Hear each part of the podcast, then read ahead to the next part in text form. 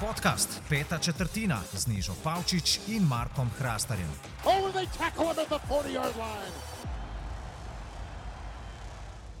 Dragi poslušalke in dragi poslušalci podcasta Peta četrtina, spet prav lepo pozdravljeni. Uh, spet je tukaj stara družba, božično razpoložena, Niža Pavčič in Rok Gregorič v moji družbi. Pozdravljena, dobro večer.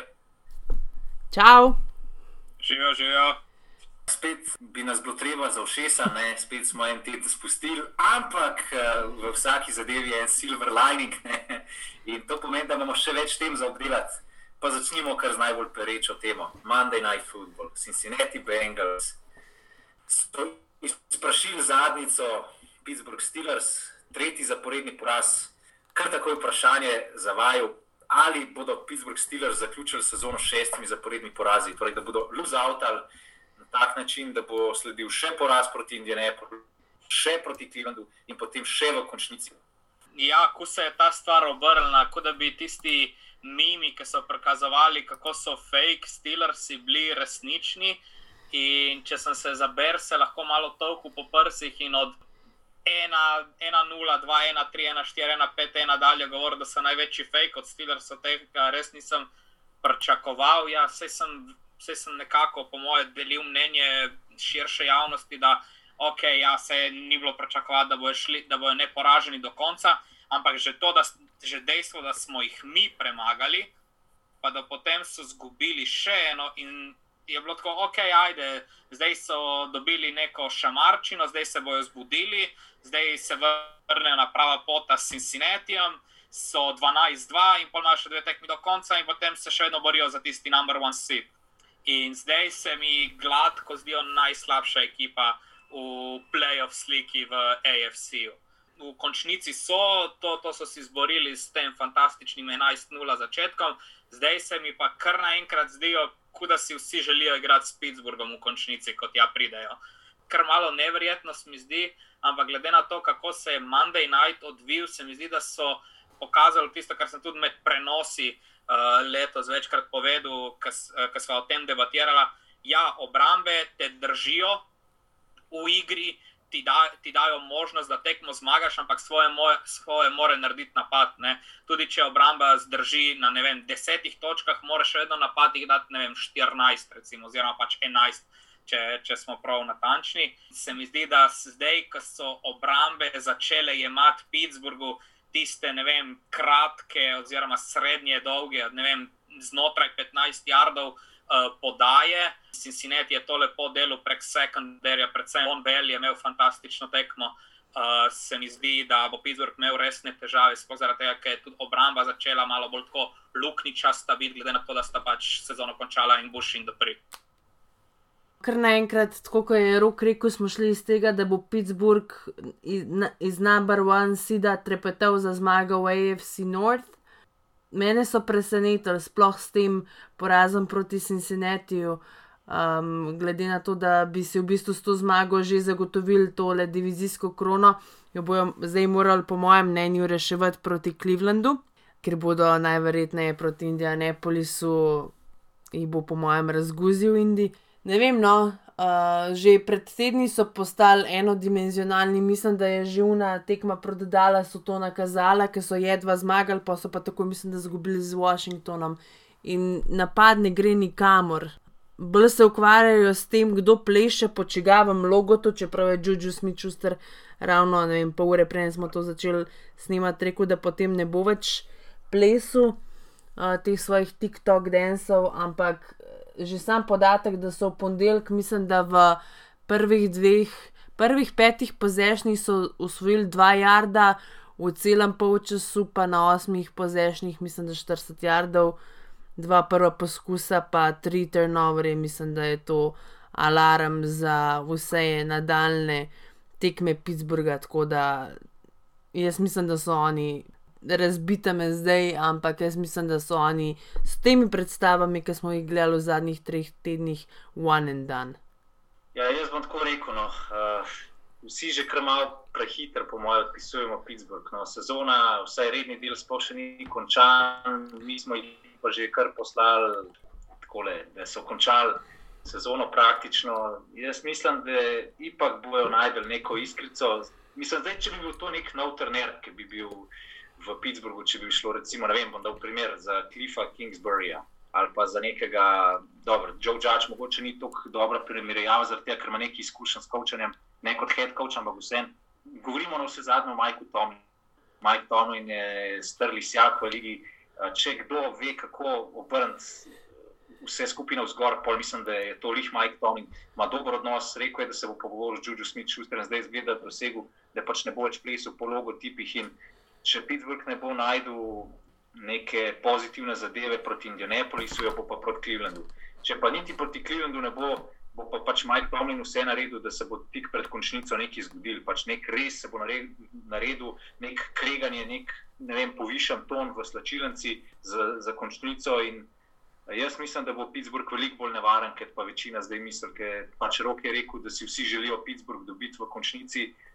Ne vem, no, jaz tudi v primeru, če Pittsburgh zgubi zdaj ostali dve tekmi, ki jih ima na schedulu, jih ne bi kar tako pač odrezal in rekel, da ja, so definitivno najbolj zaželena zadeva, ki jo lahko dobiš v playoff. Ker uh, govorimo tudi o trenerju, ki je obrnil 0-4, pa 1-4, so oni že začenjali sezone, pa so pa na koncu vsem prišli v playoff. Ja, manjka dobri, pa um, nimajo v napadu neke potentne sile, ki bi jih naprej vlekli, no, ampak nekako imam občutek, no, ampak to je tisti res gut feeling, da, da, da bo Pittsburgh še zaropotoval v tej sezoni, no, tudi v končnici. Tako, no.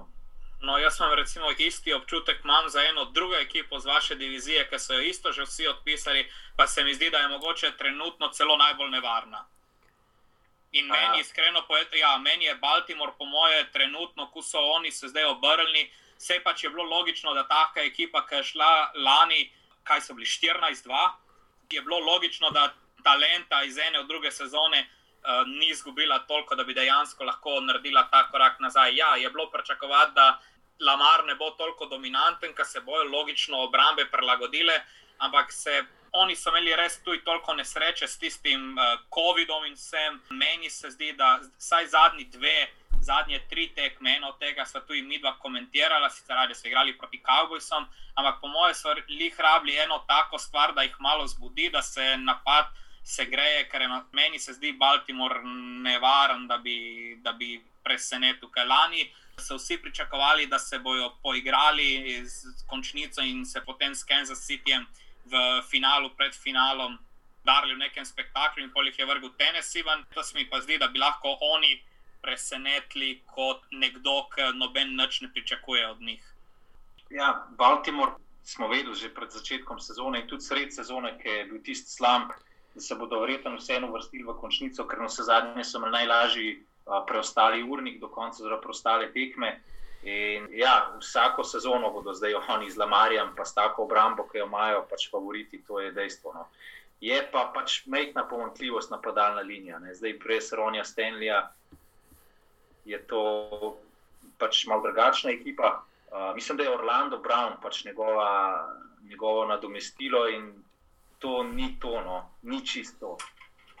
Ne, ampak je treba vedeti, da recimo oni, oni so imeli pred to poškodbo verjetno najboljšo kombinacijo, kar se tiče mladih igralcev, pa talentiranih igralcev, predvsem levi, desni tekel, kar sta Roni Stanley in Orlando Brown Jr., se pravi levi, pa desni tekel, po mojem, res najboljša mlada kombinacija v celi ligi in potem, ko daš desnega tekla na levega igrati, je vseeno neka adaptacija, mora biti. Ne moreš pričakovati, da bo isto v redu, ko je bilo z desnim na levim.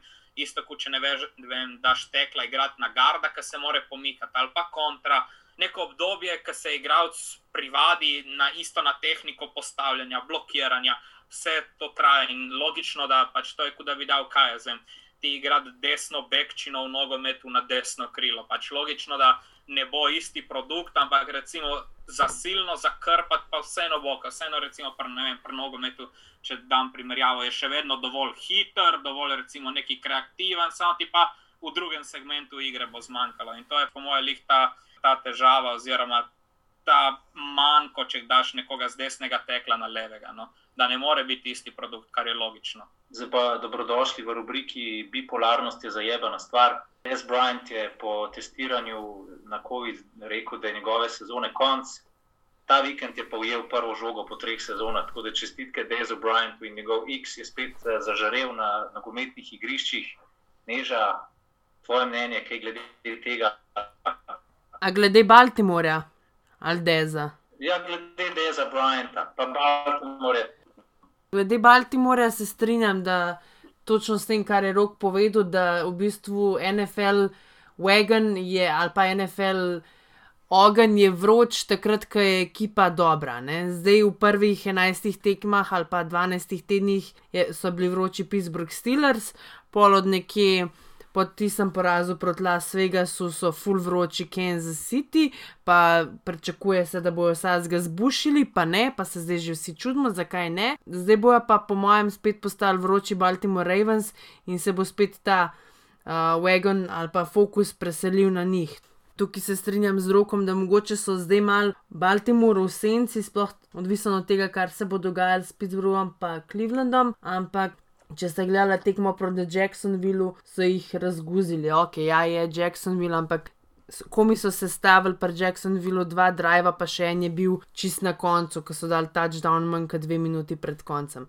Baltimore je res tak, mogoče ne vidim ga glih v Super Bowlu, zdaj če že imamo ta, o, mislim, overreaction, kaj je Wednesday spet danes, ampak recimo nekje domet imajo pa skoraj zihar za AFC Championship. Kar se pa tiče Deza Bryanta, pa glede na to, kaj je prestal to strgano ahilo v tetivo, da ni več tako um, mlad, pa da je Dez Bryant kar tako simpatičen igralec, sploh tudi uh, na podlagi tega, koliko je recimo upleteno v neko skupnost, pa koliko je friendly do uh, medijev, pa take stvari, uh, je meni kar simpatičen, tako da sem vesela za njega, da so te X-i spet prišli v, um, kako se reče, obtok, glavno, da so spet aktualni in da uh, jih meče tam gor po igrišču. Verjetno bo še do konca sezone kakšnega pokazal, glede na to, da ima Baltimore kar um, ugoden razpored. Glede na to, da si omenila X, sem se takoj spomnil na druge, pa na Joša Gordona, ampak dajmo to temo bolj za kasneje. Dajmo to temo bolj za kasneje prehraniti, pa dajmo o Jacksonville rajš kakšno reči. Uh, torej, Jackson, Jaguars, your team is now on clock. Ne? Kaj je bilo to? Meni ni jasen, pri Jetsih, pa pri najboljši volji ne štekam, kaj ste pri tej organizaciji oziroma franšizi grejo. Ne bi tankirali za Trevorja Lorenza, da je bila hota na zmago Remsov 1-0-5, da bo, da bo New York skadil, grejo pol zmagati in izgubijo prvi pik na draftu in zdaj ga bo težko nazaj dobiti, zaradi tega, ker bi bolj za avto, verjetno. Me zanima vajno mnenje, kaj, kaj se sploh grejo pri Jetsih, no, kaj je njihov cilj, ker očitno Trevor Lawrence ni del tega načrta, no, neža. Jaz mislim, da moramo mi tle pogledati ne kot navijači, ampak kot recimo, kako gledati Adam Gaze na to ali pa Sam Darnold. Sam Darnold je starting quarterback. On ve, da če bo imel Jetsi prvi pik na draftu, da bo, njegovo, da, da bo njegova karijera v lige NFL, sploh pa pri New York Jetsih, ogrožena, zaradi tega, ker se že celo sezono praktično govori, da Trevor Lawrence v New York Jetse. Tako da jaz mislim, da bo Sam Darnold, kar se tiče svoje prihodnosti v ligi NFL, kot starting quarterback za New York Jetse, pa ne glede na to, koliko za noč so New York Jetsi in koliko to nima prihodnosti, bo raj zmagal še kakšno tekmo do konca, čeprav okay, ne vem, če jo bo, ampak bo raj zmagal, kot da bi pustil tanka za nekoga, ki ga lahko zamenja. Tako da iz tega vidika je meni to čisto logično, da se bo on trudil zmagati. Mene bolj zanima, oziroma jaz mislim, da se sploh ne zavedamo, koliko je ta poraz sramoten za L.A. Remse, za ekipo, ki je bila do te tekme, oziroma do te tekme vodilna v NFC Zahod če bi zmagali, bi že bili v končnici, oni so pa izgubili proti ekipi, ki je bila do te točke brez zmage. Tako da meni se bolj to zdi porazno, kot kar je bilo. Če sem jaz dobro razumel, neža so rekli, da Arnoldu, le majster, zmagi in če ti rata zmagati, boš starting quarterback in bomo šli na draftu po nekoga drugega. Če pa ne bo zmagal, bomo pa pač jebi ga, Trevorja Lorenza draftali in si je tukaj odklenkalo pač tako najbolj, možno, enost, najbolj poenostavljeno možno. Pač. ne, ne glih tako, ampak jaz mislim, da Sam Darnold noče biti zamenjan in bo naredil vse, da ne bo zamenjan, torej zmagal bo. Pa tudi mislim, da v sami podzavesti igralcev ni tako, da bojo tankirali, ampak želijo zmagati. Zakaj, zakaj pa bi izgubljal? Da tankajo za Trevorja je ideja navijačev, pa overreactionarjev na različnih platformah pa medijih.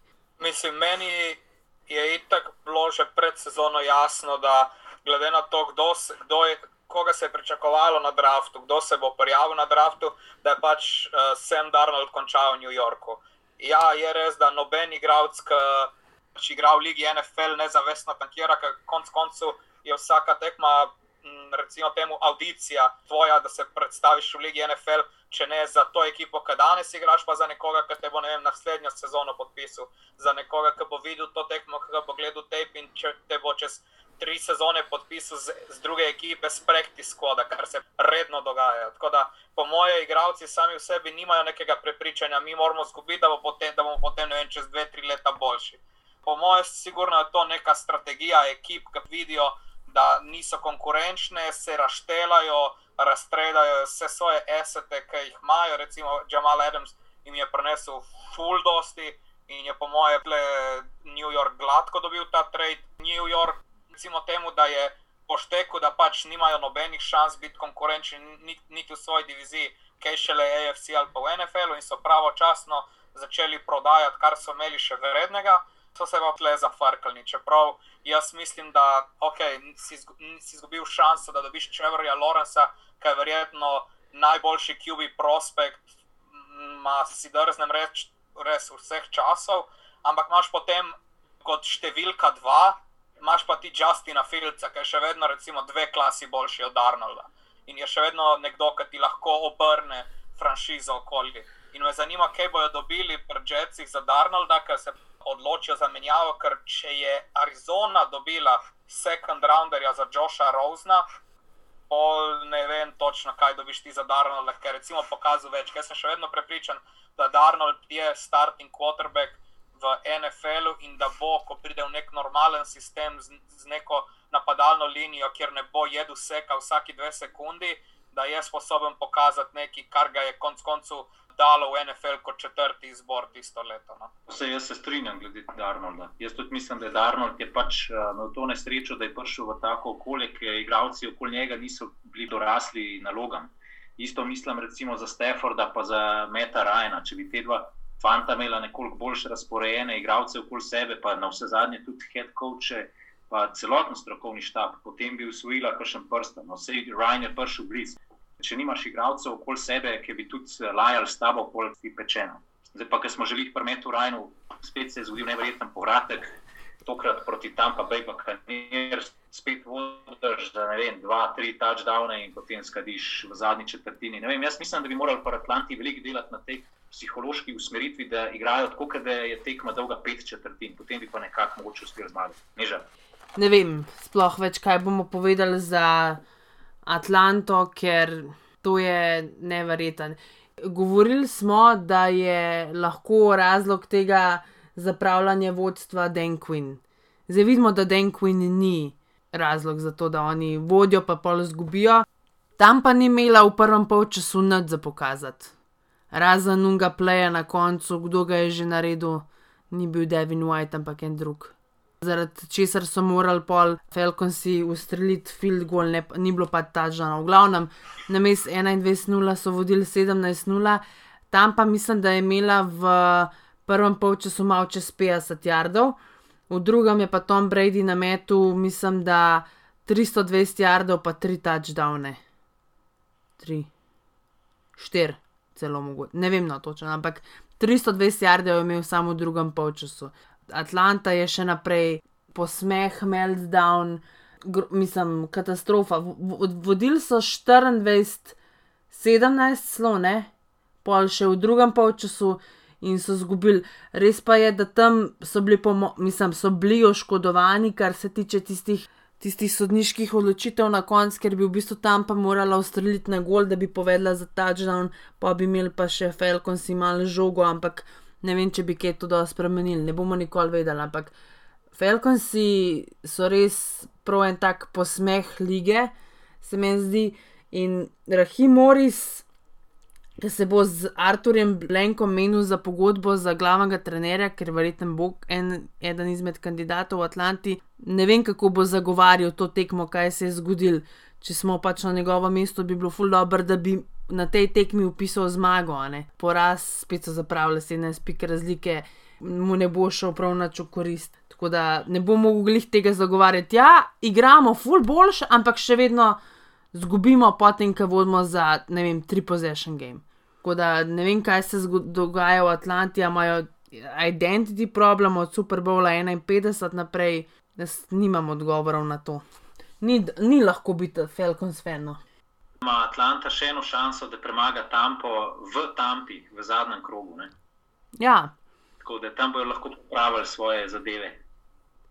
ampak še vedno si ti, dober, se je Atlanta v, tem, v tej poziciji ali bo zbrala sedma ali pa deveta. To je tudi pol um, en poraz več in bo verjeten spet bolj del pri oblikovanju ekipe za naslednje let. Ampak tako kot je rok prej rekel, noben si ne želi zgubljati, oziroma ni namenoma, da zgubljajo take tekme. Sploh pa mislim, da je tudi Matt Ryan eden izmed teh igralcev, ki ima audicijo za naslednje leto, oziroma mogoče celo za kakšno drugo ekipo. Pa tudi Rahim Morris bo verjetno dobil kakšno šanso ali za biti glavni trener ali pa kje drugje, če, ga, če se slučajno v Atlanti ne bojo zmenili, da bi bil ali OC ali head coach. Tako da Atlanta bruka.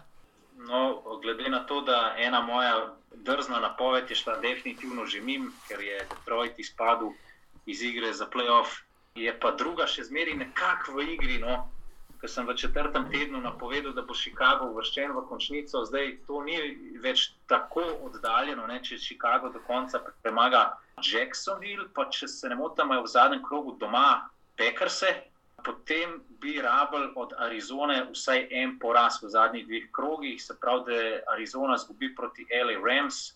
Pa pol mislim, da tudi če premaga Arizona doma, San Francisco ne bo to dost, če se ne motim, ali, ali bi bilo to že za dost. Mm, ne vem, bi prav mogel dati tisti playoff mašin. Vse sem se spet igral danes z njim, tako da mi je všeč, ker je NFL malo spremenil spored in v nedeljo ob sedmih je Ravens Giants. In če Ravens je tisto tekmo dobijo, moramo mi, pot, ima, je potem tista tekma s Panthersi zvečer ob desetih, je potem tista, ki bo odločala, ali mi dobimo divizijo ali ne. Tako da imamo šanso ob desetih uh, že dobiti divizijo v nedeljo. Tako da, Mm. fingers crossed. Hrast, tvoj bold prediction iz septembra 2019 se lahko da uresniči za letošnjo sezono Washington football team. Ja, eno sezono prepozno. Ne? Ne, drugač pa zdaj sem šel v playoff mašino odklikati, pa ja, dejansko, če Chicago win outa, torej Jacksonville v gosteh, pa Green Bay doma, potem rabijo samo en poraz od Arizone. Se pravi, da Arizona skadi zadnji krok proti LA Rams, je gladko Chicago v končnici, pa reč takrat šta. To z Mičom Trubiskim. Mič Trub. se mi- Meni se zdi, da koliko je on, recimo, podpovprečen, da ne rečem slab, in me ne bojo prepričali t- tej zadnji, kaj trije tedni, ki se dejansko zdi, da je napad Bersov. Ampak po mojem je bolj to zaradi tega, ker si ti dobil Montgomeryja nazaj, kot to, da bi dejansko Črubiski lahko kaj sam naredil. Ker jaz še vedno mislim, da bo bodi si recimo Kyle Trask, bodi si Trey Lance, da bosta naslednje leto podajalca v Chicagu, kar je bilo dejansko full zabavno, ker sta oba zelo, zelo dobra. Vsak sicer v svojem pogledu, drugačen profil igralca, ampak ja, Bersi še v tej sezoni, da prideš v playoff, je konec koncev lahko neka spodbuda za trenuten kader in nekaj, s čimer lahko potem ti uh, novačiš igralce v off-season. Se pravi, lej, tles, dokle smo prišli, dokle nam lahko ti pomagaš naprej. Ne? Tako da je, je pride eno z drugim in bi bilo ful dobro za Berse, ki imajo konec koncev verjetno še vedno top 5 obrambo lige, da pridajo naprej. Mm, Ne vem sicer, če jim bo ratalo, ampak ja, niso, mis, še vedno so tista ekipa, po moje, kot sem rekel, recimo za Pittsburgh, ki si želiš igrati proti Bersom. No? Zaradi tega, ker veš, da če, tvoj, da če se za lahko zanešeš za, na svojo obrambo, potem lahko Berse neseš. No, pa mislim, da če imajo težavo pri Chicagu glede Kotrbeka in da bojo šli po neko novo ime, jaz vseeno tudi mislim, da pri Minnesoti bojo rabili nekoga novega na poziciji Kotrbeka, če želijo v obljubljeno deželo. Se pravi, mačkam dalket samo končnico. Se strinjamo tukaj. Jaz se tle ne bom strinjal, ampak ja, lahko zavijaš z očmi, kolikor hočeš, ampak jaz še vedno mislim, da prva runda naslednje leto Minnesota mora biti online. Enostavno mora biti online. Lahko vzameš ne vem, nekega quarterbacka, ki misliš, da ga lahko recimo v kasnejših rundah razviješ v potencialnega starterja, kar realno pač se mi zdi, da razen tisti izven serijski igralci, kot so vem, Aaron Rodgers, Tom Brady, Patrick Mahomes, lahko recimo San Francisco lepo dokazal, da ti lahko prideš s podajalcem, ki ni niti top 15 v ligi. Priješ v Super Bowl, če imaš ti sistem postavljen okoli njega. In meni se še vedno zdi, da kar kazins, če mu nekoliko spremenijo pogodbo, da je bila bolj team friendly, lahko Minnesota svojo obrambo, seveda brez poškodb, letos, oziroma s čim manjšimi poškodbami, da imajo stvari na mestu, da pač lahko s tistim, recimo, ne top 10, top 12 podajalcem v ligi pridejo naprej. Je pa res, da moraš ti potem imeti stvari na mestu. In če Minnesota česa nima na mestu, je to njihov problem. Se mi všeč tvoje razlagano, ker dejansko pije vodo. Zlasti zaradi tega, ker tudi sam ne cenim Jimmyja Garopola, neki ful više kot Krka Kazensa. No. Da, ja, A to se o Jimmyju na podlagi njegove igre pogovarjamo? Ja, lej, ne vem. Proti argumenti, neža, izvoli. Ne, se ima prav v bistvu rok, da je Kajl še nehan razvil za Jimmyja tak sistem, da ne, da je lahko samo game manager, recimo lanski NFC Championship smo to videli, pa tudi recimo, da dosta v Super Bowlu, da Jimmy ni bil, oziroma ni, bila, ni bil fokus igre na njem, ker je Kajla še nehen tak mind, kot ima, je vedel, kje so. Prednosti San Francisca, pa kje slabosti. Nesrečo so imeli, da so igrali proti Patricku Mahomesu, pa Kansas Cityju. Pa tudi zdaj, recimo, glede na to, da ima San Francisco grozne težave s poškodbami Quarterbacka, mene ful zanima. To ne vem, če ste sicer videli, ampak San Francisco je podpisal zdaj Josha Rosena. Tako da mislim, da Josh Rosen, kakršno kariero je imel, ima končno šanso, da pride Kenmu, ki bi lahko videl ali njegov potencial ali kakorkoli mu dal šanso, da dela z nekom, ki je usposobljen ali pa ima čut za razvoj mladih podajalcev, ker mislim, da se stri, vsi strinjamo, da Josh Rosen res ni imel lušne kariere do zdaj, kar jo je pač imel. Ne, dejansko ni imel sreče. Ne. Jaz bi rekel tako, da v bistvu ni posledica pridobitve Josha Rosena to, to da Nick Mullins in CJ Bedard ne igrata izven serijsko, ampak je predvsem posledica to, da se je Rahim Mostert frderval do konca sezone in to pomeni, da se bodo morali pri San Franciscu veliko bolj zanašati na igro po zraku, kot pa na igro po tleh. In tukaj mislim, da ima Josh Rosen idealno priložnost, da naredi audicijo zdaj do konca sezone v teh dveh tekmah, ki sta ostali.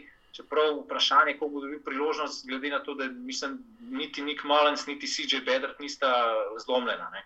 Tako da ne vidim neke variante, razen če bi šli v kar pa ne verjamem, da bi vem, na koncu tekem dobil zadnjo četrtino drobtinice. A ja, to sem se še spomnil. Ena izmed največjih zadev, o kateri se pa ni to govorilo, zaradi tega, ker ni prenesla nekega rezultata, je Hail Mary. San Francisco je uspel Hail Mary na, v zadnji četrtini prek CJ Bedarta na Kendrika Borna. Ne vem, če ste to videli. Ampak pač ta Hail Mary ni prenesel dosti drugačnega rezultata, ker je San Francisco vsem zgubil. Rok, mogoče še ti o Joshu Rosenu. Ja, meni je recimo, pa vem, da bo ne vem, smešno, naivno izpadlo. Meni je bil Josh Rosen od vseh unih QB-jev, ne vem, da sem ti že povedal v tistem draft klasu, še najbolj všeč in nekdo, ki sem verjel, da bo mogoče tudi lahko bil najbolj uspešen, ampak. Uh, ja, ni pokazal dosti, bom prvi povedal to, bom prvi priznal, da res ni pokazal dosti, tudi ko je imel šanso, ampak dajmo biti realni, kakšne šanse je on imel v Arizoni v svoji prvi sezoni je imel uh, Toda Bowlsa za trenerja, se pravi koordinatorja obrambe, ki je imel, če se ne motim, svoj prvi head coach job, takrat, ko je bil trener, se pravi koordinator obrambe z Ruki QB-jem. Ni ravno najbolj dobitna, najbolj dobitna kombinacija. Uh, imel je napadalno linijo, ki je bila rangirana 32. tisto sezono in smila je, če se ne motim, popil več kot 50 sekov tisto sezono. Je, če se takrat recimo nisem strinjal s tem, da so draftali, je bilo logično, da ta povezava Murray Kingsbury obstaja že odprej in da bo šlo to dalje. Sej zdaj in retrospektiv je vse, je vse ok, se je lepo izteklo za Arizono. Rozna so potem poslali v Miami ok, si imel za konkurenco Fitzpatricka, ki se je pač vedlo, da je mudonja, da mu ni problema se razmetati, vrš štiri interceptione, ki bo tudi recimo vrgel pet touchdownov v tisti tekmi. Malo karikiram, ampak to je ta stil. In ruki, oziroma zdaj, ko igraš v drugem letu, ki je bila tvoja samozavest popolnoma uničena, po mojem, si bil še poškodovan po vsemi tistimi seki po mojem, se je tudi tvoj playstyle spremenil, glede na to, kakšen si bil ti na UCLA, kakšen si bil v Arizoni, glede na to, da, je, da je NFL vendarle another beast, kar se tiče nogo, ameriškega nogometa v primerjavi s koledžom. Potem je prišel še v Miami, ki je imel tisto leto 31. rangirano napadalno linijo. In potem je še spadal toliko slabše, zaradi tega, ker je Fitzpatrick nekaj naredil s tisto ekipo. Li zaradi tega, ker Fitzpatrick je pa pač mu je dol viselo, ali bo vrgel tri interception, ali bo vrgel tri touchdowne, ker tak je njegov stil igranja. In potem je Rose na popolnoma uničil še to, da so dreftali tuo in je on rad upadek. In pol zdaj je bil na tem practice squadu tempe in ne vem, res upam, da, da dobiš še eno šanso, ampak zgolj zaradi tega, ker mi je bil UC, tam na UCLA-ju preveč všeč, da bi ga kratko odpisal po dveh dejansko um, dveh situacijah, ki je bil vržen levom. No. Okay. Uh, gremo mogoče na kvazi najslabšo vizijo, o, o kateri je rok že tudi nekaj spregovoril. Zdaj smo lahko še malo bolj pametni, ker takrat, ko smo rekli, da bo Filadelfija najverjetneje zmagala, tudi vizijo, to sva trdila z nežo. Rok, ti, če se ne motim, si se vzdržal mnenja ali si rekel, da bo mogoče vse en. Uh, ne, ne, jaz sem rekel, da bo dobil. A, ja, no, se še zmeri lahko. Ne? Še vedno lahko, da, tako, da ni še vsega konec, kar se tam tiče, ampak je pa res, da smo mi v najboljšem položaju, da je res. Um, ene petkrat na dan molim, da bi lahko zdržala mečna mišica od uh, Alexa Smitha, pa da lahko v nedeljo igra, zaradi tega, ker Haskins je vse bližje Rajnu Leafu in ne Peytonu Manningu. Da, in, kar tiče, in kar se tiče karakternega, karakterne strani, in kar se tiče kvalitetne strani. No, upam, da, da bo Alex Smith ok. Je pa res, da tudi Haskins, potem ko je vrgel tisti dve prestreženi podaji proti Sietlu, so se stvari postavile na mestu, kar bi se tudi morale, obramba Sietla, kar se tiče igre po zraku, um, či secondary skupino, kar se tiče celotne sezone. New York je presenetil, po moje, tudi vse, ne samo mene, ker uh, predvsem. Koordinator obrambe je zdaj kar naenkrat najbolj vroč kandidat za uh, katero koli mesto glavnega trenerja v prihodnji sezoni, ki so tako pokazali. Dallas ima še vedno doltna in jih bo to držalo v igrah, da ne boš vedno dobil 15 pik razlike, da boš zgubil. Filadelfija pa je dobila nek nov veter v krila s hrcom. Ne? In Wentz naj bi že kao hotel trade, da ne bo backup. Je pa res, da je ta njihova legenda, mislim, da je bil Brian Westbrook, njihov tekač nekdani, je rekel, da se mu zdi, da je prvo vprašanje, če mu je sploh nogomet všeč igrati ko sem si naklikal po tem le playoff mašinu, dobim Washer divizijo. Trdil sem, da bo Filadelfija osvojila to divizijo s šestimi zmagami. Zdaj, tako bom rekel, Hrc je dal neka, neko novo dimenzijo tej franšizi. In ga vidim, tako kot sem napovedal že prejšnji teden, ker so igrali proti Sencem, da bo pač zmagal in s tem je ratal dobiti uh, New Orleans mislim, da zdaj nam je pa vsem rad jasen, da s to kemijo, ki jo ima Jalen Hurts z vsemi igravci, si je že kupil nekako uh, toliko kredita, da bo v naslednji sezoni starting QB. Ampak je pa tako pri Filadelfiji, da na obrambni in na napadalni strani je preveč ljudi frderbanih in predvsem v mislih okope, se pravi napadalno linijo, pa obrambno linijo edini, ki še guzaka, tukaj je Fletcher Cox, teh starterjev, ostali pa se, ne vem, se, se vsako tekmo po dva nova poškoduje, tako da igrajo tam second ali pa third stringeri, če ne celo fourth. Ta, prvo tekmo končnice doma, ampak pomaš pa tam pa z Bradyjem, recimo, no, in je hiter konc, najverjetneje. Neža, mogoče ti še eno besedico o tej diviziji. Pričakujem, da bo, ta te, da bo ta teden ta divizija odločena, tako kot je že rok povedal svoj scenarij. Mislim, da je Filadelfija zapravila svoje šanse ene par krogov nazaj, ki so igrali res slabo, res tako prav negledljivo. Giantsi so pokazali, tako, v bistvu tako, ker je rekel na treh tekmah, zadnjih treh tekmah, res dobre igre v obrambi in po, te, po tisti tekmi s Sietlom je njihov obrambni koordinator postal prvi kandidat za kjerkoli, mislim, po tem Eriku Bienemiju, je postal prvi kandidat za head coaching position, celo proti Brianom Debelom iz Buffalo, ovsijem. Kar se tiče Dallasa, so pa tako teoretično še živi, realistično, realno pa. Kar se pa tiče Carsona Wenca v Filadelfiji, pa se meni ne zdi nič tazga, da hoče ven iz Filadelfije, glede na to, da tip je bil draftan kot številka dve, imel je tiste tri četrtine rednega dela, kaj je bilo to 2017, imel osansko sezono, pol se je Frederbu in od takrat kot da se ni mogel več nazaj vrniti, ampak ti pa se je skozi pumpal kot drugi pik, potencial MVP, skozi se ga je dajal v ospredje, to je naš future in dejansko potem, ko ti tri leta dobivaš skozi take izjave, tak pritisk, če si pol zamenjan, je ja, valjda, da hočeš ven. Ni ne prvi, ne zadnji, ki bo to želel. In tudi jaz ne vidim, kar so na vojncah v naslednji leti, v naslednji sezoni nazaj v Filadelfijo, oziroma ne vidim, da bi se vrnila in Carson in Doug Peterson. Ali se bo vrnil en, ali pa noben. Tako da mislim, da pa potem, kako Filadelfija igra zadnje dve tekmi, sploh glede na to, da so dobili. Čak samo, sploh da, na to, da so dobili New Orleans, pa kako so igrali proti Arizoni. Ja, proti Arizoni so zgubali, so igrali tako, ker nismo pričakovali, da bo. Recimo tudi Jalen Hurts pokazal, da ni samo metalec, ampak dejansko podaja žoge, prilagodi svojo hitrost, dobro izmed rame, ima take stvari. Tako da jaz še vsem mislim, da bo kar so novent najdel nek drug dom v Ligi NFL, se mi pa ne zdi to načtazga in mislim, da sta celo on pa njegov agent te stvari likala, da bi on šel drgam. Kaj je Buffalo?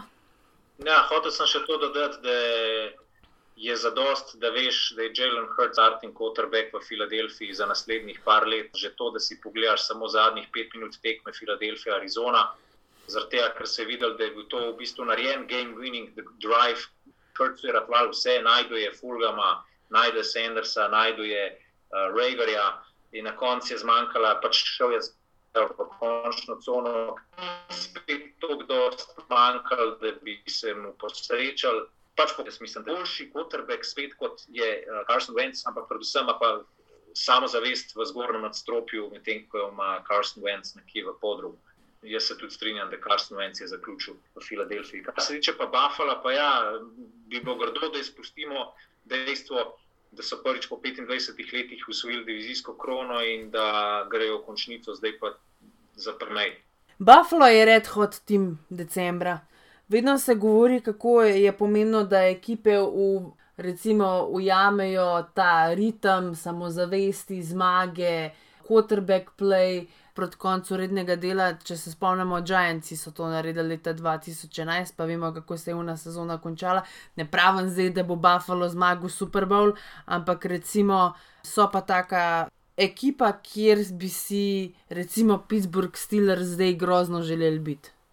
Ja, jaz imam kar en tak občutek, da je Buffalo je zdaj sicer zajahal ta pozitiven val, pa da bo prišel v končnico kot ekipa, ki ima največ zmag za Kansas City, ampak pismo nekako se mi spet zdi, da bo neka mina. Da bojo mogoče že v prvem, v tem wildcard eh, roundu, mislim, da če ne bojo v prvi rundi, bojo pa v drugi rundi ven letelno, ker imaš, imaš vse en take ekipe, recimo, če naletijo na Pittsburgh, imajo ekipo, ki so jo premagali in preklet dobro se bo Tomlin pripravil na, na Buffalo. To smo lahko prepričani, da jih ne bojo dvakrat zapored premagali. Pojmaš tenesi, ki ga nobena ekipa ne želi dobiti v končnici. Pojmaš Indianapolis šanso, ki ga tudi noben ne želi dobiti. Pojmaš Cleveland, dobro, no to mogoče glede na to.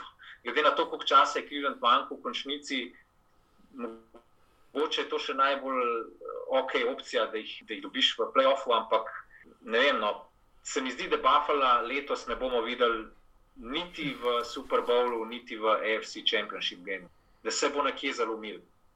Rok, mogoče še ti. Mislim, ja, s tem se strinjam, da ne bojo v AFC Championshipu.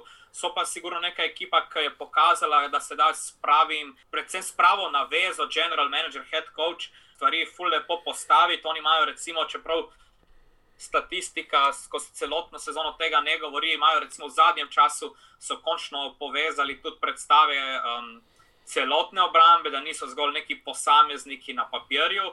Je pa res, da ne vem, je mogoče vse skupaj, pa vse deluje, deluje, ne me, ne me na robe razumeti, ampak mi deluje tako, kot smo delali tudi njihovo, zdaj to ta zadnjo tekmo, mi deluje vse preveč, ne vem, sforsirano kar se tiče napada, da je Stefan Dix in potem vsi ostali. In me to ne vem, me moti, ker se mi zdi, da ni potem neke druge resne opcije v smislu, da če se ekipa odloči podvajati, ne vem, pomagati safetyjem Stefana Dixa pokrivati, da potem. Ne vem, ne Singletary, ne Moss, nista neki resni opciji, kar se igre po tleh tiče. Potem imaš tukaj sicer Dosana Noxa, ki recimo lahko neka, kaj zvem, opcija v rdečico, in potem ti reče, ne vem, meni se zdi, da še vedno manjka tle bodi si še en dominanten receiver, oziroma nekdo, ki bo res, recimo številka dve, ali pa ne vem, ker recimo secondary. Mogoče drugi korner, no, evo, drugi korner, poleg Tredaviasa Whitea, ki ne Levi Wallace, ne Josh Norman, nista odgovor na, na dvojki pa mogoče potem še nekdo, recimo nek slot corner, ki bo odnesel nasprotnikovo trojko, kar se receiverjev tiče. Kar se tiče pa playoffa, ja, ok, Buffalo bo dobil, ok, bo končal drugim, bo dobil sedmega in kaj to pomeni. Baltimore. Ja, dobi Baltimore, stari. Veš, dobijo Baltimore in kaj bo? Jaz, jaz ne pa Markusa Petersa, ki je v guši Dixa, pa Humphreya, imaš v guši Bizlija, pa si pol dela na redu. No, in vse zaradi tega. In potem že tako, ok, se res nek. E, Josh Allen je povsem drug podajalec, ali ga imaš ti pod pritiskom, ali ga nimaš. In tako da recimo Baltimore, uh, čeprav je full agresivna obramba nekega velikega uspeha, kar se tiče sekov in pritiskov, letos mislim, ok recimo, da je nekje tam middle of the road. Ne vem, se mi zdi, da če ti vzame, jaz bom vedno vzel, recimo, obramnega igralca, ki lahko pokrije na, na voljo v free agencyju dominantnega PSRašerja ali pa dominantnega cornerbacka ali pa nekje sredinska verzija. Bom vedno vzel najboljšega cornerbacka, zaradi tega, ker če daš ti. Tudi povprečnemu PSRašerju dovolj časa, s tem, da ti korner pokrije opcijo, bo tudi povprečen PS-rašer prišel do, do podajalca. Medtem, če imaš ti nekega povprečnega cornerbacka, ki ga bo Uni konkretno premagal, lahko ti uh, schemo napadalno postaviš tudi tako, da bo podajalec hitro znebil žoge in bo še vedno completion. Tako da se mi zdi, da Baltimore je lik zaradi tega, ker bo prišel v končnico kot, kot zadnja vrata. Si ga noben ne bo hotel igrati, in če bo Buffalo uh, dobil Baltimore, mislim, da bi lahko bila to tista mina, o kateri si ti govoril. No? Ja, dejansko se mi zdi, da je še najboljši matchup za Buffalo bi bil Cleveland, če bo prišel v končnico. Zaradi tega, ker Cleveland ima od vseh ekip, ki grejo počasi, avstralno proti Plevu, mislim, da je najslabši sekundari. No. Tukaj imaš Denzela Warda, pol pa konc, pol je pa taka tma, da jo režeš. No. Mislim, še posebej pa zaradi tega, ker Denzel Ward ni bil zdrav, ne? on ima polovico sezone težave z mečno mišico. In zdaj, če vzameš Denzela Warda, pol pa res ni nič, pol je pa katastrofa sekundari in to trenerji vsi vejo. Če mi to vemo, oni zelo dobro, še boljš vejo. Za obdelati imamo definitivno še to, kdo so pro bowl snabi. Torej, zdaj je bila objavljena lestvica, oziroma objavljen je bil spisek vseh, ki igralcev, ki so si z glasovanji navijačev in tako naprej priigrali nastop, oziroma bi si priigrali nastop na Pro Bowlu. Koga pogrešata, jaz bi izpostavil predvsem Deforesta Baknerja, igralca Indianapolisa, ker ne vem, kako je to možno, da on ni bil v spisku. Pa jasno, ne morem niti mimo Wyatta Tellerja. Ne. igralca, ki je včeraj svojo izvoljenko zaprosil za roko. Na PFF-u še zmeraj njegova cena, buta med oči, ne vem, 94,6, najboljši gard, najboljši igralec napadalnih linij v AFC-u. Smešno mi je to, da na mest njega dobi prav poklic na Pro Bowl, pa Joel Bitonijo, pa pač tudi Pr Browns. Ne vem, ne vem kako se okay. lahko to spregleda. No.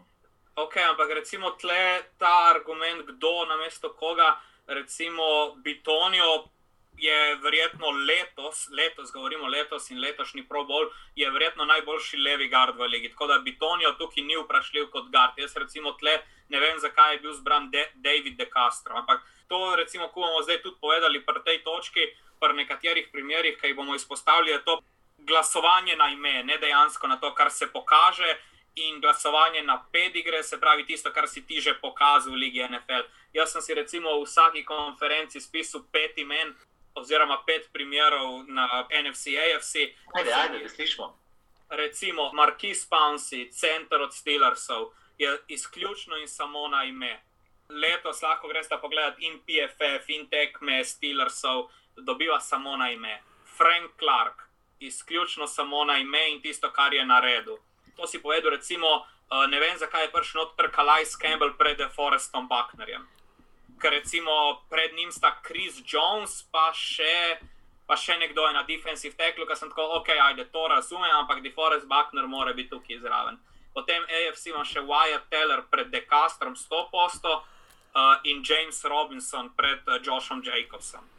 Tudi Emanuel Ogba od Miami ima noro sezono, pa ni prišel. Ok, ampak defensive endi mi zdi, da so, so poštimani v AFC-u. No?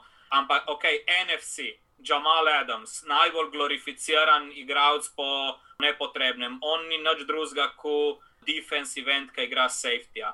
Da vam samo povem podatek, ko grejo žoge v njegovo smer, jih nasprotnikovi podajalci uspešno, zaključi, uspešno zaključijo 82,5 odstotka podaje. Ti si safety, 82,5 odstotkov podaj v tvojo smer je zaključenih. Ja, pa pa zabriše to s tem, ki ima 8,5 seka. Ej, to ima defensive end, ti si safety, ti moraš pokriti. Ni važno, če te tako uporabljajo, v redu, super argument. Ampak ti, recimo, še naprej, PFF, ki ima vse to poštimano. Kar se tiče safetyjev v kritju ocen, 92 safetyjev se kvalificira za ne vem 100 snapov, ki so jih odigrali kao v kritju. Jamal Adams od 92 safetyjev je na 83. mestu. Wow. On v kritju je tako dober, kot bi bila recimo jaz in ti. Ampak ok, lahko pa, lahko pa blica nabira uno, ok, samo pač jaz tega ne želim od svojega safetyja. Naslednika mi je, ne vem zakaj točno dobil, ampak spet na ime Jason Pierre Paul. Ne vem zakaj je Jason Kelsey dobil to pred uh, Korjem Linsleyjem. Linsley je letos najboljši center v NFC-u, se pravi center Green Bay Packersov. Jason Kelsey, ne rečem, da ni dober, ampak ni pač med top 2, kar jih dobijo. Pogrešam Brysa Kellahena, ki ima letos verjetno najboljšo sezono, kar se tiče slot cornerbackov v celotnem NFL-u. On je v 12 tekmah, ki jih je odigral, je pustil 199 yardov. Štirje cornerbacki, ki so zbrani pred njim, se pravi Jalen Ramsey, Jair Alexander, Marshawn Latimore. James Bradbury, v povprečju so jih pustili 500 yardov vsak. Ne, Rob, da, mi povej, da mi povej, kdo je v NFC-u izbran na taj dendu. Zato, ker jaz pogrešam Bobija Tanjana, recimo, ki ima 10 no, to, to, je, to, to je bila ta, na, ta zadnja stvar, ki mi je v NFC-u smešna. Okay. Uh, se pravi, TJ Hawkinson, povsem zasluženo, verjetno najboljši taj den trenutno v NFC-u, in potem drugi je Evan Engram. Evan Engram ni najboljši taj den v svoji diviziji. Mogoče niti ne v svojem klubu, ampak ja, ok. Oda. Če že imaš opcijo, če greš v svoji diviziji, imaš Logana Tomasa, ki ima isto jardo kot Evan Engram, pa štiri touchdowne več, in potem si ti omenil tistega, ki bi jaz dal Tonjana, ki ima 20 jardov, sicer manj, ampak ima 10 touchdownov. Tako da spet so se pojavile neke razlike, ki bi rekel, da ja, to je pač oni popular vote, ni dejansko kaj se, kaj se uno in je na ime. Vse verjamem, da potem, ko pridejo une liste ven, all pro na koncu sezone bo dejansko tako, kot mora biti, ker še vedno All Pro so dejansko stvari za to sezono. Pro Bowl je pa, dokler so bili fan voti, vse vemo, je bil tudi za zapačulja. starter v NBA All-Starju. Razumeš, kaj je cela Gruzija volkala za njega. Neža, ti si vse čas dvigovala neki roko, pa hotla povedati. Zdaj imaš pa besedo, no, tako da izvoli, kdo je pa po tvojem mnenju snab. Zanimivo mi je, da je rok spregledal Devina Whitea. Mi ni toliko zaradi tega, ker sta, čakaj, saj sem prej gledal, mm, si bom spisal, prav bolj, da 20. Da pogledam, ker sem gledal Devina Whitea, ampak sta pred njim in Bobby Wagner in še nekdo, ki sem mislil, tako ok. Mi ni tako, da bi me bodlo v oči. Čakaj, da pogledam, kdo je ta drugi linebacker, Fred Warner. Mislim, tle, tle ni kaj reči. Sta Fred Warner in pač Bobby Wagner zbrana pred njim. Tako da ne vem, na mesto koga bi tukaj dal Devina Whitea noter. Ok, fair. Mi je pa čuden, da mislim, meni roki tek pravi, da sem apologet Toma Bradyja. Ne? Mi je pa čuden, da se pritožujejo, da Tom Brady ni pro bowler. Vse na podlagi tega, kar je pokazal, mislim, da so kotrbeki, ki so iz NFC-ja zbrani, čisto upravičeno pred njim. Želim pa Tomu Bradyju, ne, a nista imela nekega, no, ne bom rekel, da sta imela um, spor, ampak. Somebody uh, call 911. Imela sta s Tomom Dan. Tony Dungy, ja. Oziroma Dungeon, sta imela nekakšen. Ja, sta imela glede na, na Twitterju, je, se je Tom oglasil, potem ko je Dangi rekel, da Tom Brady ni niti med prvih šest, oziroma da je šesti najtežji quarterback, proti katerim je kočal. Pol je pa Tom Brady objavil prapor izpod Lucas Oil Stadiuma, AFC Champions, oziroma AFC finalist od Indianapolis Colts. Mislim, jaz tako. Itak vsi veste, vsi, vsi vemo, da nisem največji fan Toma Bradyja, no? ampak bom pa po drugi strani rekel, da mi je všeč, da tudi pri svojih 43 letih ohranja svojo hudomušnost. Pa tudi uh, všeč mi je to, da človek pri 43 letih tako dobro igra, no še zmeraj. Uh, ne, ne bom se zdaj spomnil, kdo je to tweetnil, ali je bil Rich Eisen, ali je bil mogoče celo Colin Coward. Ampak, če gremo pogledat številke letos za Toma Bradyja, so to za 43-letnika, no, podarjam, za 43-letnika res hude cifre. No. Kot uh, sveži 35-letnik lahko rečem, če bom čez 8 let tukaj gilan, super, res izjemno. Tomu Bradyju je z ekipo, v katero je prišel Ratel, pride v končnico še zmeri. Bilu Belčiku pa z njegovo ekipo, brez Toma Bradyja, ni Ratel pride v končnico. In tisti, ki so rekli, kdo lahko brez koga, zdaj se lahko trkajo po prsih, če so rekli, da je Tom Brady better off. Ne. Bo pa neža, glede tega lahko veliko več povedano. Neža zdaj, zdaj si neke čudne občutke v trebuhu za, začela doživljati. Kako se počutiš kot stenica oziroma simpatizerka New Englanda brez končnice prvih potok cajt? No, mislim, da ste New England. Patriots, fani nimajo prav dosti pritožvati, glede na to, da se letos ne bojo v končnico šli. Niso si zaslužili, preveč so bili bledi, preveč slabo so igrali, delali so napake, ki se jih prej ni delali. Mislim, da so se že po tisti, da se je to začelo že kazati po tistem 2-5, ki je bilo, je kar je. Ja, da povej, ne vem, Kem Newton, prihodnost, verjetno je ali ni. A v New Englandu. Ja. Odvisno kaj bojo naredili um, še kje druge, ampak jaz mislim, bolj, da ne. No. ne vem, zdaj se mi zdi, da bolj ne, čeprav ga vsi ful podpirajo, tudi Kem pove vse te prave stvari, ki jih mora Kotrbek povedati. Ampak jaz še vedno mislim, da Kem ni glavni krivec, zakaj petcem letos ni šlo. Iskreno, če bi Tom Brady igral na mestu Kema letos, verjetno bi imel kakšno zmago, dve, mogoče celo tri več, ampak tudi s Tomom ta ekipa ne bi bila pripravljena za Super Bowl, kar je bila preletvica za pece v preteklih letih. Tako da ni vse sam na Kemu, no, kot se govori, da je Kem eden in edini kriv za take stvari. Zdaj se jim je poškodoval še Stefan Gilmore, bo še to. Teži, ampak mislim, da pa ena svetla točka, ki jo pa peci letos imajo, je pa JC Jackson ki mu pravijo že Mister Interception. Tako da to, pa mislim, da še vseeno, recimo Jacobi Myers, pa Gunner Ološevski sta imela kakšne svetle točke, ampak po mojih čaka kar tako trdo delo. Ker ja, Bill Beliček je še vedno goat, kar se tiče kočev, ampak še vedno so pa igralci tisti, ki jih ki morajo pokazati igro na igrišču. In ne glede na to, kako dobro te Bill Beliček koča, morajo fanti igrati dobro. Tako da Tom Brady, pa ne pravim zdaj, da ja, ker je šel v Tampo, ga pa zdaj ne maramo, ne. Ampak še vedno je tle, kar se tiče proti Billu v prednosti.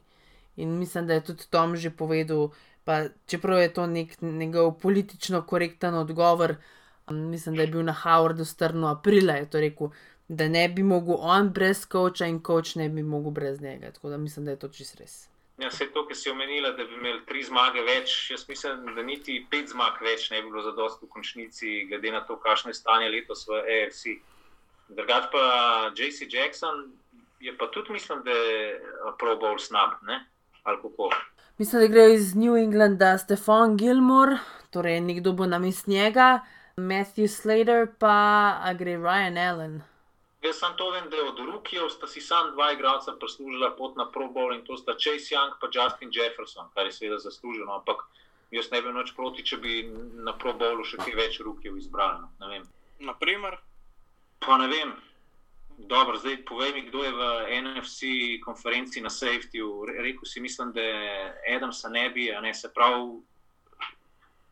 Jeremy Chin enters the conversation.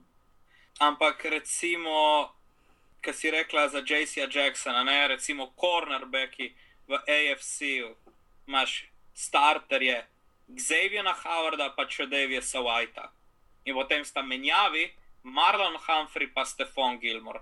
Koga vržeš ven za J.C. Jacksona? Ja, Gilmora, ne. Mislim, Ne, sej jaz nisem rekla, da vržeš ven. Jaz sem rekla, da je svetla točka JC Jackson. Nisem rekla, da je JC Jaz Jackson sem probal rekel, da snab. je snab. No. Jaz sem rekel, da je snab. No, je pa Miami premagal spet v, na Hard Rock Stadiumu pec, ampak mislim, da letos najlažje od ne vem, zadnjih par let. Še nekaj smo sicer spustili, kar pravijo Super Bowl pred Super Bowlom, kar sicer jaz ne vidim, ampak Kansas City pa New Orleans tekmo smo čist spustili iz dnevnega reda. Marko. Ja, v obrambi sta zelo dobro odigrali. No, še posebej me je navdušila obramba New Orleansa, ki je dejansko, ne bom pač rekel, da je ustavila, ampak je pač vsaj omejila Petrika Mahomesa. Na koncu je spet Cameron Jordan pustil na cedilu, se je potem spet opravičoval na Twitterju, zgleda, da ne more mimo sebe in svojih čustev in naredil neumnost in bil izključen. Sem pa tudi jaz pomislil, pa nikjer nisem tega prebral, ampak sem tudi jaz pomislil, da bi to lahko bil Super Bowl pred Super Bowlom. No. Zdaj ne vem sicer, kakšno je stanje z drugim Brisom, ampak pokazalo se je, da napad New Orleansa veliko, veliko bolj pogreša druga Brisa, kot pa Majka Thomasa, ker igrali so brez Majka Thomasa, pa je šlo vse čist lepo. No, in dejansko so bili samo, recimo, malo večji zbranost, za malo večjo zbranost in zalovneja oddaljeni pač od zmage, ne, če tako karikiram. Ne, če tisti safety ne bi bil safety, ampak, ampak touchdown, bi se pač stvari malo drugače odvile. Mi je pa všeč ta Super Bowl pred Super Bowlom, ker dejansko, kot sem ti rekel, pred tisto tekmo s Filadelfijo, ki se je dejansko potem malo podvomil to, kar sem ti rekel, ampak obramba New Orleansa je začenjala v zadnjih tednih malo boljše zgledati in konc koncev na papirjih imajo neka imena, da bi lahko bili full dobri. Je bilo pa samo vprašanje, če bojo lahko sestavili. No, sicer neko opravičilo, ampak Jordan je pol tudi razkril po tekmi, da je pred tekmo še v slačilnici izvedel, da je njegova žena imela popadke in, in je šla v uni delivery room pred tekmo. In zaradi tega je bila ta nedelja vseh nedelj, ki je potem tudi on rekel, da se mu ni zdelo, da je bil primer za neko konkretno stvar izključen in da potem dve uri po tekmi se mu je parodila, mislim, da hčerka. No. Tako da je bila, je bila kar tako polna dogajanja nedelja za njega. Takim napadom, ki ga ima Kansas City, je jasen, da bojo vsaki ekipi, pa tudi če ima ne- neverjetno obrambo na trosel, tistih 30-35 pik, Terikom Hillom, Travisom Kelsem, pa Patrickom Mahomesom, ti sploh ne rabaš nobenega drugega v napadu. Ampak, ko imaš pa za, za češnjo na vrhu torte, imaš boljše, da Markusa Robinsona, pa Makola Hardmana, zdaj dober, Clyde Edwards, Celer se je frderbu do konca rednega dela, mislim, da v končnici celo pride že nazaj. Če ne prej v Super Bowlu, če bodo seveda tam igrali. Ampak uh, če ti pol tebi pač uspe doseči več kot 35 pik, imaš pa dobre šanse, da jih premagaš. Ne? In nek potenten napad, mogoče celo Green Bay Packers, je še zmeraj mislim, da moja napoved za Super Bowl vsaj iz NFC strani drži, bi jih pa lahko nekdo vsem pokrivil. No? Bi, pa bi pa rad sam še to izpostavil, neka zadeva, ki je ser, ne vem, mogoče noben ne opas, pa sam jaz take malenkosti vidim, ki si highlights pogledam, ampak bi rekel, da nobena ekipa nima tako dobrega running backa, ki lahko blokira kot New Orleans Saints. Meni je zelo všeč, kako je Latavius Murray ene parte blokiral, zato da sta Paul Breeze pa, pa kamera sčarala nekaj napadov. Kansas City, ne glede na to, da nimajo Klajda, bodo pa neki drugega našli, da bodo svoj napad še naprej gonili. So pa recimo, da no, že pokazali več ekip, Miami, Tampa, tudi ne na vse zadnje, da pa tudi Senci, da. Kansas pride hitro v vodstvo, pot, recimo, če je ekipa taka, da naredi do, dobre half-time adjustmente, kar je recimo tam pa pa senci, da se jim lahko ekipe v drugem delu približajo. Ne bo tako vse, v bistvu za čiv se lahko, kot bi si mislili, da bojo pa za vsako tekmo zmagali, ne vem. Touchdown 2 ali pa 10 pik razlike. Tako da ta Super Bowl pred Super Bowlom je bil, po mojem, nek medijski cukrček ali pa kaj še vse. Mislim, da senci ne bojo prišli v Super Bowl, ne vem, mogoče smo jih mal pozabili, potem, ko je Drubris bil poškodovan, pa manjkal. So pa tudi s Tejsomom Hillom ta del sezone rešili 3-1. Še vedno mislim, da tudi če bi se slučajno srečali še enkrat, bi se Sean Payton na njih mal bolj pripravil, me je pa absolutno narit vrgel touchdown Mekola Hardmana, mislim, da ne. Mislim, čošak, ne, pa je vse, ne, moratal ujeti. Ej, sam še to bi povedal, da ki si želi omenila halftime adjustments, ne. Mislim, da imamo eno ekipo, ki je pa, ki je pa mojstrica halftime adjustments. Imamo eno ekipo v NFC konferenci, ki ima v drugih polčasih bilanco dobljenih po doseženih točk, mislim, da je tam prke 100, plus 100. Ne. To je Washington football. Ne. Washington football team, pod samim. Ja, sorry. Ja, Ron Rivera, pa, pa Jack Del Rio, kapo dol. Mislim, medva z rokom sva delala tekmo Washingtona proti Seattlu in je po, na začetku drugega polčasa iztrči una uh, grafika od, ne vem, mislim, da sva delala na CBS ali na Foxu in pride na ekran grafika, da ima Washington letos v drugih polčasih bilanco plus 84. 94. 94 no, in drugi polčas so proti Setu dobili, tako da zdaj morajo imeti nekaj čez plus 100. Ja, drugi polčas, ne, ne, mislim, da je lih 98, zaradi tega, ker prvi polčas je bil 13-3 in končalo je 20-15, se pravi, drugi polčas je bil 12-7. No. Ampak, kakorkoli, ja, da ni res una akcija od Carsona je največ, najdaljša akcija, ki so jo pustili potem v drugem polcajtu. Nažalost je bila tista kot touchdown, če ne bi Washington, kot tudi z Dwaynom Haskinsom, tisto tekmo dobil.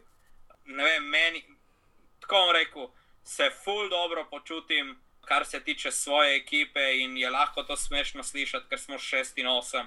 Ampak res, res sem zadovoljen s tem, kam moja franšiza potuje. No. No, ko smo želeli pri Dwaynu Haskinsu, ti greš po tekmi, ki si jo zgubil, greš v strip klub, brez mask, tvoj trener je rizična skupina. Mislim, what the fuck is wrong with you? Ne, vse to je lepo Ryan Leaf povedal, da to je nekaj, kar ima profesionalen, vrhunski profesionalen športnik v glavi, ki je jaz ne morem narediti nič narobe, samo ti me ne razumeš, da vidi full nekih usporednic, kao s samim sabo. Mene, se, mene ne bi čudilo, če bi recimo tega treškinsa predali v off-season. No. Mogoče je pa sam skrbel za local business, ker so bili zaprti. Ne, mislim, on se je zdaj v tem konferenci, ki se je sam javil, je dal pobudo sklicu medija in je kao povedal, da je bil, to ni bil. Striptease klub, da je bila rojstno dnevna zabava, ki je imela njegova punca kao rojstni dan. To je njegova obrazložitev ampak je bil pa preprimerno kaznovan, ni več eden izmed kapetanov ekipe. Tudi se vidi, da celotna stvar zdaj poteka tako bolj profesionalno, bolj puno dejansko kot neka skupnost. Danes, ki je že tretji dan zaporedoma, poskušajo igralce od Washingtona, vsakega posebej, koordinatorja napada, obrambe, pač special team, vseh, vsi hočejo, kao, kaj je tvoje mnenje o Heskinsu in so vsi samo tako, prosim, da damo to mimo. To se s tem ubadali, en dan smo rešili, gremo dalje, zdaj je naslednja tekma. In, in prav, čeprav hočejo ljudje vrtati, Washington reši stvari in se vidi, da odkar je prišel Ron Rivera, odkar je prišel Jack Del Rio, odkar je prišel Jason Wright, ki je ta president of football operation, da se stvari dejansko rešujejo. Pa imaš pa še vedno unga debila od Snyderja, ki prihajajo vsak dan, vsak teden prihajajo nove stvari ven, kaj dela, kakšne neumnosti dela. In to mora biti tako moralo jemajoče, da vidiš, kot tvoj head coach vodi ekipo, vodi, vodi mitinge preko Zuma, hodi na treninge popoldne, medtem ko ima dopoledne, ne vem, kemoterapijo, kakorkoli, in potem vidiš, kako tvoj lastnik tvoje ekipe plačuje ne vem koliko milijon in pol dolarjev ženski, da ga ne bi prijavila, ker naj bi jo zlorabil in take fore. Tako da je še full prostora za napredek, kar se tiče nekega grajenja kulture v Washingtonu, ampak se mi zdi, da je Ron Rivera in njegova zgodba in kako on funkcionira, res začetek nekega novega poglavja. In je potem še to, če križaš s talentom, ki ga ima obramba, se mi zdi, da lahko vidiš, da grejo stvari v pravo smer. Ja, sam če Alex Smith recimo, ne bo še pripravljen zaradi noge ta vikend proti Karolini, a to pomeni, da bo Dwayne Haskins začel ali gre Taylor Heineke. Taylor Heineke začne. Okay. Ja, zdaj, glede na to, da smo povedali, glede pretenderjev, pa kontenderjev, že prek teh naših debat v vsaki posamezni diviziji, jaz mislim, da je že kar nastopil počasi cajt za naše božično-novoletne želje. Neža, mogoče dame imajo prednost, kaj je tvoja božično-novoletna želja? Moja božično-novoletna želja za NFL je. Prvo si želim to, da se zadeva razplete tako, kot se more, vse do konca, brez kakršnih koli adjustmentov, kar se tiče schedula. Si pa želim, da ker vsi tako poudarjamo ta Kansas gor, Kansas dol, prvi favorit za Super Bowl, da me ena ekipa recimo razen Baltimore ali pa Pittsburgh, tako presenet, da Kansas do Super Bowla sploh ne pride. Pa ne zato, da jim ne bi prvoščila, ampak mislim, da ima Kansas City tako ekipo, ki bo še v leta in leta konkurenčna in si res želim, recimo, da leto zmaga kakšen tak, kot ne vem. Ga v preteklosti nismo videli velikrat v končnici, ali pa mogoče tudi ne v Super Bowlu tokrat. Letos bom malo pristranska, pa bom navijala za Green Bay v playoffu. Ja, aj gere. Navijala boš zato, da Patrick Mahomes ne usvoji še enega prstana in da rab še malo več sezon, zato da Brady je. Okay. Ne zato, ampak res si ja, ja, želi. Okay. Že je ok, že je ok. Ok, v redu. No, moja božična uletna želja je kratkoročna in dolgoročna. Kratkoročna je ta, da se vrnejo gledalci. Vem, da je to zelo long shot, ampak zato pa je božiček, da prenese kakšno tako zadevo, ker je čist drugače komentirati s publiko, ne, brez, že na tistih tekmah, ki vidimo, da imajo nekateri, recimo Miami, pa Cincinnati, pa Cleveland, ki imajo kot 12-15 tisoč gledalcev po Kansas City, je atmosfera že takoj čist drugačna. Dolgoročna želja je pa povezana s tem, da Cleveland Browns v sezoni 2021 pridejo zdravi, se pravi z Delpitom, pa še malo pojačanim sekundarjem, se pravi, to bi pomenilo, da na draftu dobimo ene par, ne vem, par dobrih cornerbackov, pa mogoče še kakšnega safetyja, pa mogoče tudi kakšnega linebackerja. Za sezono 2020 se bom pa vzdržal, naj se zgodi, kar se bo zgodilo. Če spomnim, da bomo prišli v končnico, ok, je čist možno, tudi če premagamo Jetse, pa skadimo proti Pittsburghu zadnji krok, mislim, da nas lahko Miami še tlo prehti. Ampak no, lepo bi bilo pa videti Brownse po 18 letih, vseeno v playoffu. Rok, beseda je tvoja. Se pravi, bom skoristil isto dve želji za božič, eno kratkoročno in to, da mi v nedeljo dobimo divizijo prvič po 2-14 in dolgoročno za novo leto, da konc aprila dobimo enega od treh igralcev z Univerze Alabama in to je bodi si Jalen Waddle, bodi si Devonta Smith, bodi si Patrick Sertan. To je to. Vsi cilji so uh, motivirani strani naše ekipe. Ja. Nisem naše. midva Pa kar neposredno. Neposredno. Tako no. Apologet sem, vse rok prav. Ne, pa sej drugače, jaz zmeraj tudi po teh mojih bolj predičnih vidite, da imam zelo rad take razplete, ki niso čisto v okvirih vseh, ja, to je bilo pa logično. A si predstavljate, recimo, ne vem, Super Bowl, vse bom zdaj nabil, no, ampak recimo Miami proti Washingtonu, stari. Tega si nobene predstavlja, da bi, ne vem, Tua proti Alexu Smithu, veš, kakšna zgodba je to, stari. Si predstavljate tak Super Bowl? Ne. Ne, si ne, ampak čakaj, da ti povem zdaj eno zanimivo, kar se tega tiče. Čakamo. Uh, na zadnje, ko je Washington premagal Pittsburgh v Pittsburghu, je igral v Super Bowlu. No. Just saying, just saying. Ne, pa jaz sem en takih predikšnov, te polke se recimo zgodijo, itak imaš ena proti 300 šanse, da se zgodijo, ampak tako na koncu, a veš, kaj bi pa, when all is said and done, tako analitiki rečejo, ja, če bi nam pa kdo, ne vem, 23. decembra rekel, da se bo pa to zgodilo, bi mu pa rekel, da ne gre na psihiatrijo. In pol obstaja dejansko en človek, ki to reče. In jaz želim biti ta človek, zaradi tega grem jaz s temi bolj predikšni. Ampak danes ne bom nobenega. Recimo, da je bil že to bolj predikšen, je bil Washington super bolj, čeprav niti sam v to ne verjamem in to se ne bo zgodilo. Ampak tako sam rekel, sem na glas razmišljam. Res bi bil dober Super Bowl, drugač, ne vem. Jo, da ne bom zdaj rekla Kansas, ampak kaj bi bil dober Super Bowl? Indianapolis, Green Bay. Ja, recimo, to bi bil meni super meč. Rok Kima ali pa Tennessee, Green Bay. No, Tennessee, Green Bay je v nedelo, ne Sunday night football. Ja, nisva, nisva se zagrebla za ta meč in ga nisva dobila, tako da žal. A sta dobila New England Buffalo poslastico? Ja, medva sta dobila, najprej bova v soboto razvajala poslušalce oziroma gledalce s tekmo Tampa Bay at Lions. Potem bova zabavala z nedeljsko tekmo ob sedmih rok, pomagaj mi, kaj že. Ne bom vedel. Vem, da imamo pa še Monday Night Football, Buffalo Ja. pa New England. No. Ampak v nedeljo ob sedmih mava pa Pittsburgh, Indianapolis. Idemo. Ja, A bomo pikali to tekmo ali ne? Ja, jaz bom itak moral, no, ker na Twitterju imamo še zmeri tam približno dvotretinski skor. Zdaj smo dvakrat zadela vsaj deset parov, no, tako se je začel tudi malo popravljati na boljši. Jaz bi rekel za ta vikend takole. New Orleans doma zmaga Vikings, Chicago v gostih zmaga Jacksonville, Tampa v gostih zmaga Lions, Kansas doma razguzi Atlanto, Cardinals doma nabijo San Francisco, Chargers doma nabijo Broncos, Washington football team doma premaga Panthers, Miami v gostih zmaga Raiders, mi upam, da premagamo Jets, pizda.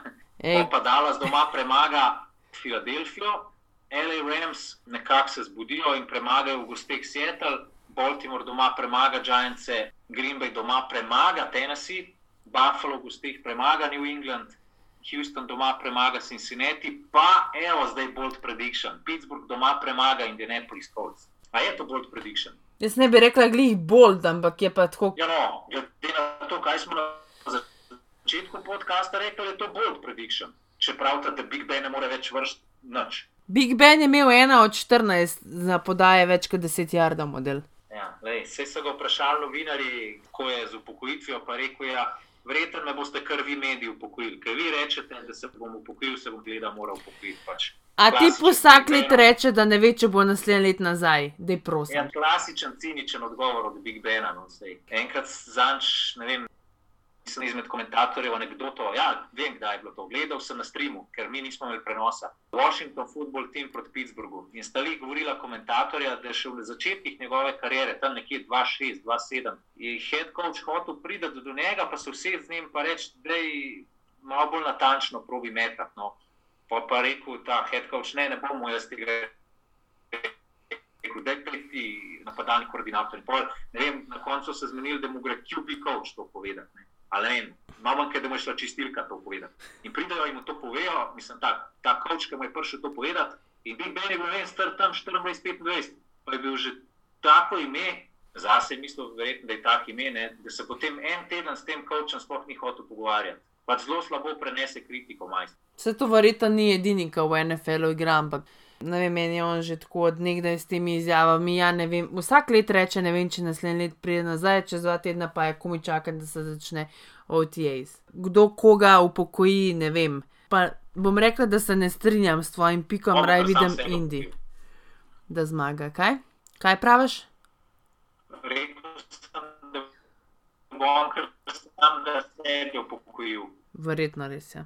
Noč, malo smo se razgovorili potem, ker nas nekaj časa ni bilo, upam, da se ujamemo še enkrat letos, to bo naslednji teden, pred zadnjim tednom rednega dela, da prediskutiramo vse, kaj se je zgodilo in kaj bi se lahko zgodilo v zadnjem tednu. Ja, sej, če se ne slišimo naslednji teden, se bomo pa pol po koncu rednega dela definitivno slišali, no? ker se bomo morali, ker bo treba posneti nekaj pred končnico. Ne? Itek bomo sneli, ne, kašno.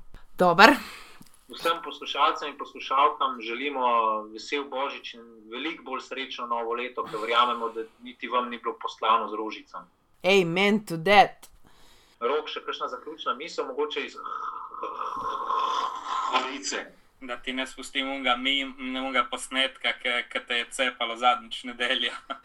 Samo še enkrat reči, horica, ima ti vržen glavo. Horica! Neč se misli že zaključiti s tisto, samo pač sta pol še malo povedala s tistim, da je Washington, na, ki je na zadnji pragu Pittsburgh, v Pittsburghu, da je šel v Super Bowl. Tako da se bom to lažil s tem do konca sezone. Dobro. Ok, whatever gets you going, rok. Neč, hvala poslušalkam in poslušalcem za poslušanje. Se vidimo spet naslednji teden, oziroma se slišimo naslednji teden. Upam, da boste pridni, da vam bo Božiček kaj dobrega prinesel. Upam, da bodo nam prinesli vse želje, kar smo si jih zaželeli, ne samo tiste NFL prej, ampak tudi vse ostale, ki bojo mogoče ostale skrite. Tako da lepo praznujte, pa ne se preveč najestno. Ne preveč TikTokat, ker to očitno prinaša nesrečo. To je pa res prava modrost Marka Hrasterja. Naj bo to vse za danes. Adijo! Čau!